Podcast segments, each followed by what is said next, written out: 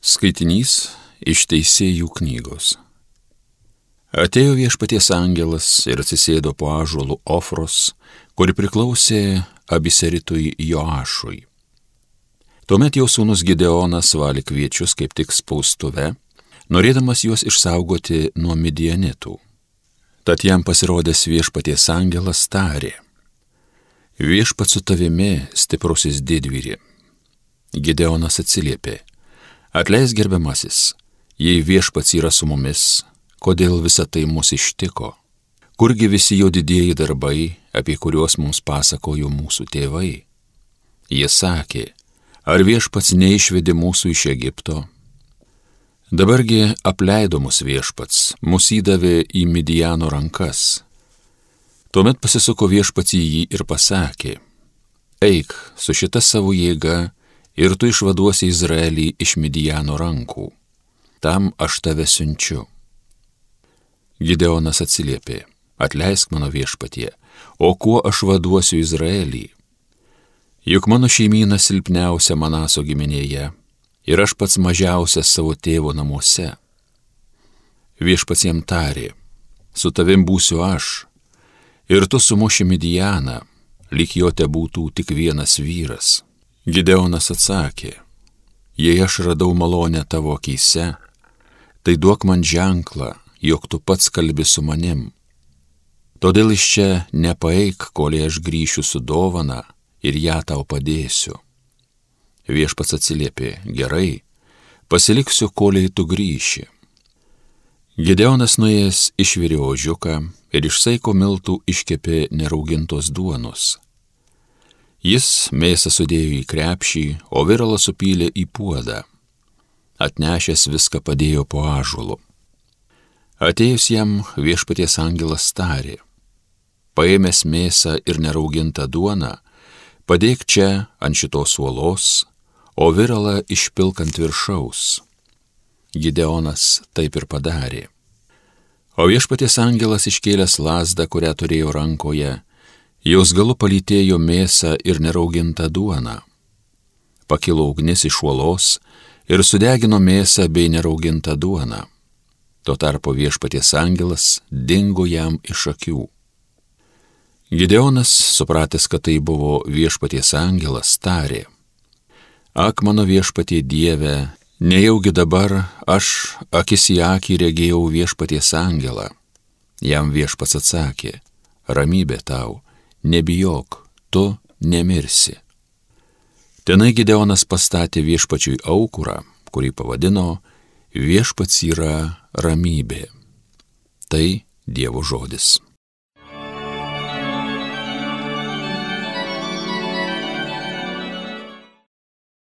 Viešpats savo žmonėms skelbia ramybę. Noriu išgirsti, ką viešpats Dievas byloja, Jis skelbia ramybę savo žmonėms, savo bičiuliams, visiems, kurie nuoširdžiai į jį grežės. Viešpat savo žmonėms skelbia ramybę. Susitiks ten gailestingumas ir ištikimybė, pasibučiuos taika su teisybė, žemėje dyks ištikimybė, iš dangaus pažvelgs meiliai teisybė. Viešpats savo žmonėms skelbia ramybę.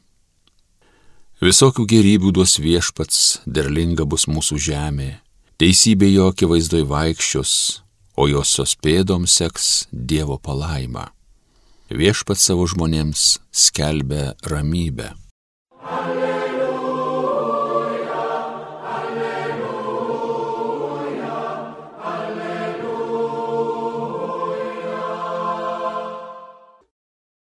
Jėzus Kristus, būdamas turtingas, tapo vargdieniu kad jūs taptumėte turtingi per jo neturtą. Alleluja, alleluja, alleluja. Pasiklausykite Šventojios Evangelijos pagal Matą.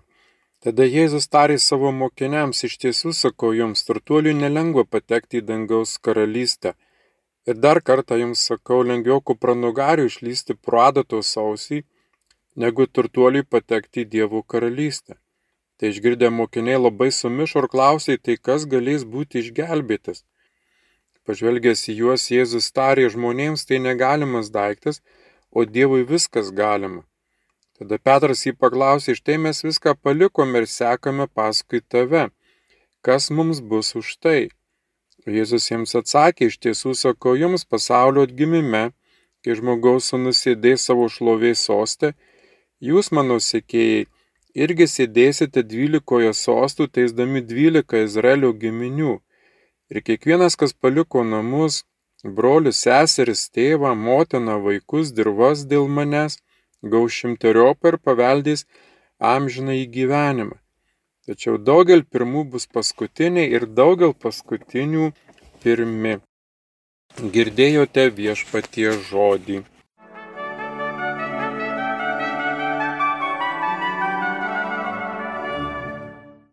Šiandieną minime švenčiausios mergelės Marijos karalienės minėjimą ir keletą norėčiau tokių kaip ir priminimų apie šį minėjimą, kaip jis atsirado. Tai 1954 metais minint šimto metų sukakį nuo švenčiausios mergelės Marijos nekalto prasidėjimo dogmos paskelbimo Pijus XII visoje katalikų bažnyčioje įvedė švenčiausios mergelės Marijos karalienės šventę paskirdamas jai gegužės 31 dieną, tačiau 1969 metais vykdant Vatikano antrojo susirinkimo liturginio kalendoriaus pertvarkymą, šventė perkelta į rūpjūčio 22 dieną, tai yra 8 dieną po žolinės švenčiausios mergelės Marijos litanijoje yra 13 kreipinių, kuriuose išvardyjami Marijos kaip karalienės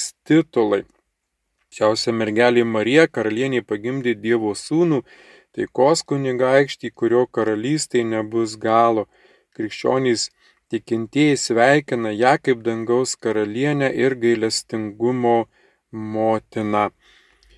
Ir aišku, skaitiniai yra paimti iš eilinio laikotarpio, nors ir minėjimas yra toks labai reikšmingas, švenčiausios Mergelės Marijos karalienės, požoliniais pamtai dangų, jinai yra išaukštinta, bet pagal liturginę tvarką sekami skaitiniai iš eilinių laikotarpio, kurie galbūt atrodytų ir nėra susijęs su šiuo minėjimu, bet visas šventasis raštas tarpusai yra susijęs, nesvarbu, kokią mes tiesą aiškintumės ar bandytume suprasti visas šventasis raštas kaip Dievo žodis, kaip apreiškimas mums vis tiek veda į tas pačias tiesas, į tą paprastumą, kuklumą, nuoširdumą, atvirumą žmogaus Dievo maloniai, jo veikimui, priminant nepasitikėti per daug šio pasaulio siūlomais dalykais, kurie yra patrauklus, kurie žmonėms yra labai svarbus ir gal net svarbesni už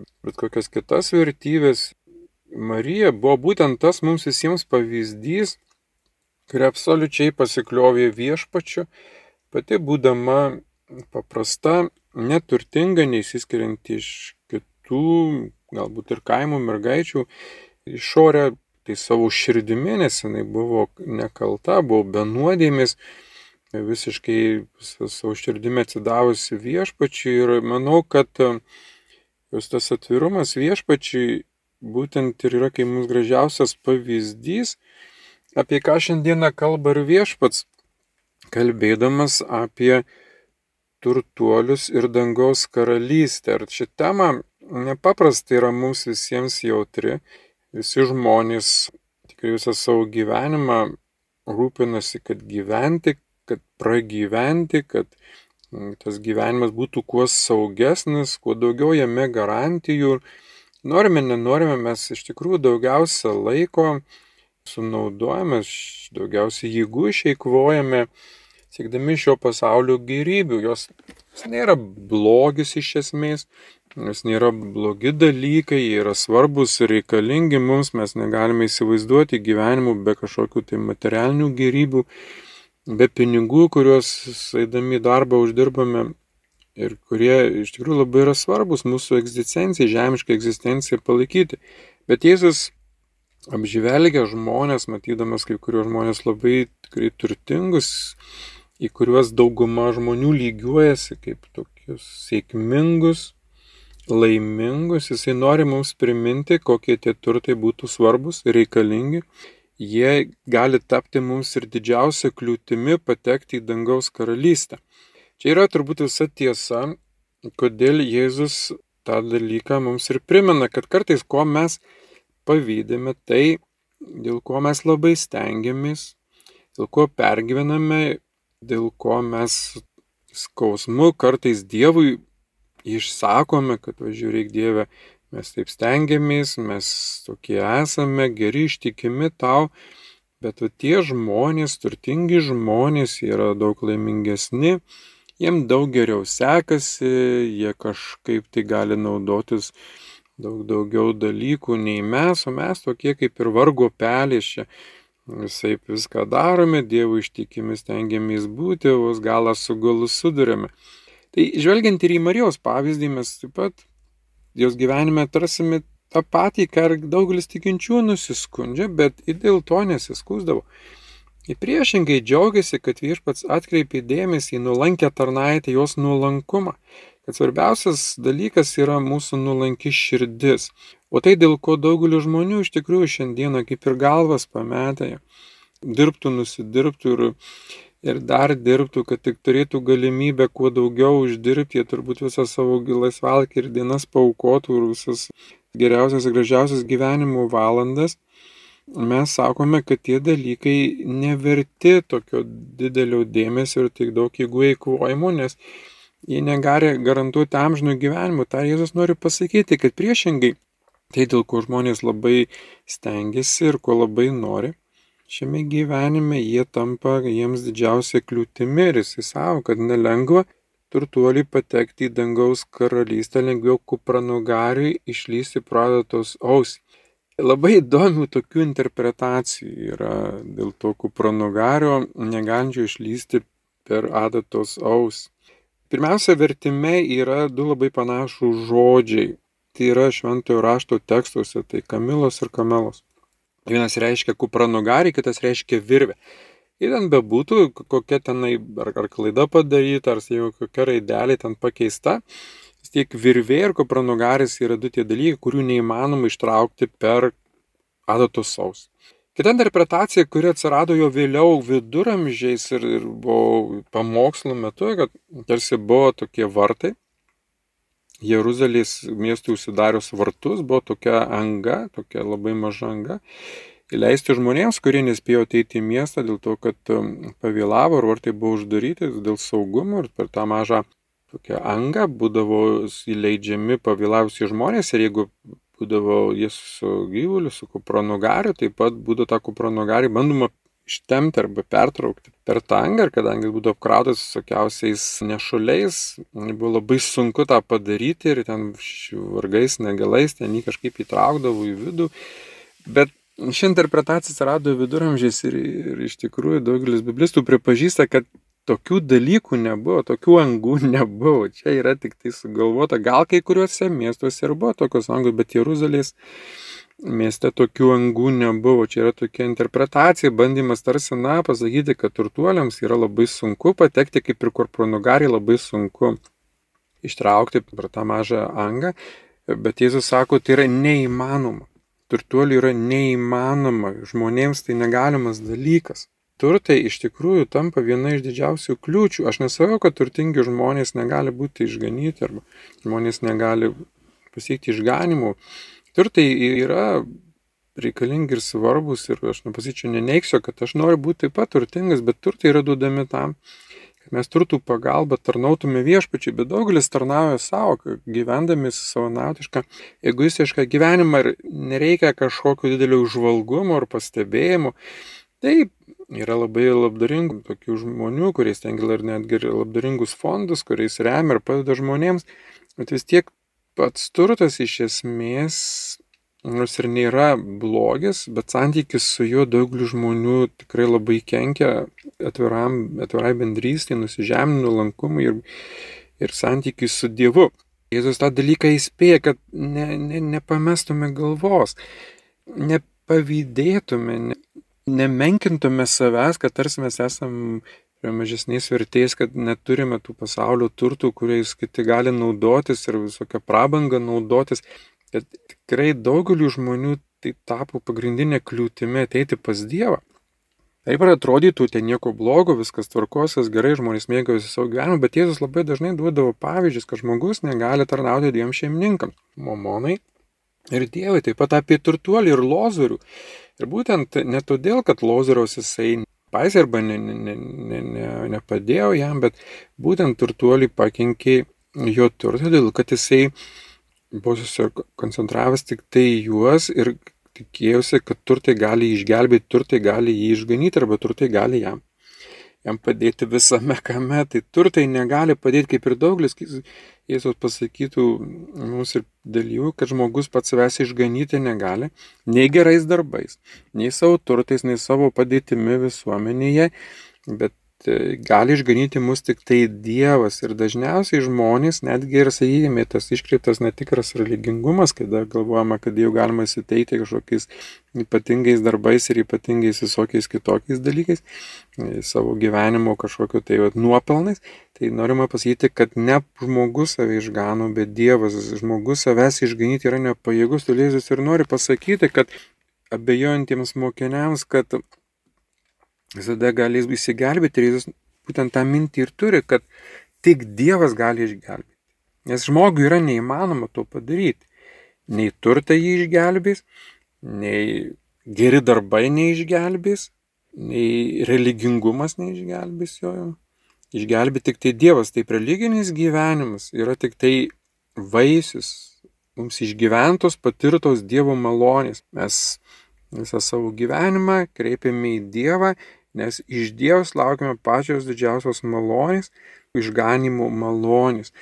Neneigiu gerų darbų svarbos, reikalingumo, jie kyla iš mūsų meilės Dievui ir mes atsiliepiame savo meilę į Dievo meilę, tarnaudami artimui, bet jau prieimė išganimą, kaip ir Jonas Paulius II yra pasakęs, kad pirmiausia eina ne įsakymai, bet eina Dievo meilė ir neišgyvenus Dievo meilės yra neįmanoma laikytis Dievo įsakymų. Tai aš nenoriu labai leistis į gilias kažkokius tai apsvarstymus, gilius ir pamastymus, bet esmė yra ta, ką Jėzus norėjo pasakyti, nepasikliaukime šioje žemėje tais dalykais, kurie, nesakyčiau, yra beverčiai, bet jie prie mūsų išganimo nieko neprideda. Netgi tampa tam tikra kliūtimi ir nepavydėkime žmonėms, geriau melskimės už juos, kad tai, ką jie yra gavę iš viešpatys, tai, ką yra gavę iš tikrųjų gal ir savo talentų dėka, bet, na, tai talentai jiems buvo duoti irgi Dievo, kad jie jais naudotųsi pagal Dievo valią. Kaip ir Petras šiandieną klausė, štai mes viską palikom ir sekome paskui tave, kas mums bus už tai. Jėzus nenori pasakyti, kad sėkimas Kristum yra pats prasmingiausias ir pats svarbiausias gyvenimas. Taip, jie viską paliko, visko atsižadėjo ir be abejo, jie na, praktiški žmonės, jie galvo, kas mums už taip, ką mums tai viešpatie iš tikrųjų, kokia nauda mums. Kiti žmonės nieko nepalieka, visą savo gyvenimą pašvenčia ten dėl savo kažkokios nusavybės. Bet kas mus viešpats už tai, kad mes palikom, Jėzus sako, jūs gausite šimteriopai, nors ir viską palikote dėl manęs, gausite šimteriopai, šimteriopai, kad tikrųjų jūs atrasite naują šeimą, naujas bendruomenės, atrasite naujus brolius ir seseris, ir čia bus tikrieji broliai ir seserys Kristuje, vienoje dvasioje, nes mes žinome, kad ir kraujo broliai ir seserys kartais tarpusiai nesusikalba ne tik nesukalba, konfliktuoja, visokiausias intrigas įsivelia turto dalybas, kurios suskaldo šeimas, bet ši šeima, kurią aš jums duosiu, jinai bus gyvens ir bus būriama vienoje dvasioje. Ir kad daugelis pirmų, kurios pasaulis išaukština šiandieną ir kuriems skiria ypatingą dėmesį ir galvoja, kad nuo jūs kas priklauso, todėl reikia jiems kažkokio tai būdų tikti, įtikti ir kažkokio išskirtinį dėmesį, Skirtai sako, daugelis pirmų bus paskutinių ir daugelis paskutinių bus pirmi. Reiškia, kad esi ne, nepastebėtas tai arba kažkaip ne, neišskirtinis šiame pasaulyje, tai esi Dievo neišskirtinis, Dievo išskirtiniai visą laiką buvo aišku, visi žmonės yra jo mylimi ir gerbiami, bet Tas, kuris atsivėrė jo veikimo, jo malonė, kuris stengiasi tarnauti viešpačiai, kaip ir Marija, visa širdimi, laisvas nuo šio pasaulio, metų gyrybių, kurios daugeliu žmonių užvaldė jų širdis, tie būtent ir bus pirmieji, pirmieji, kurim viešpats patikėjo tokią pačią dalę ir išaukštinimą kaip Marijai. Ir vas te laimina mus visus, nepasiduokime abejonėms. Ir pasikliaukime viešpačiu, geriau prašykime jo stiprybės ir suvokimo, kad mes pasirinkome geresnę dalį, kuri iš mūsų nebus atimta. Amen.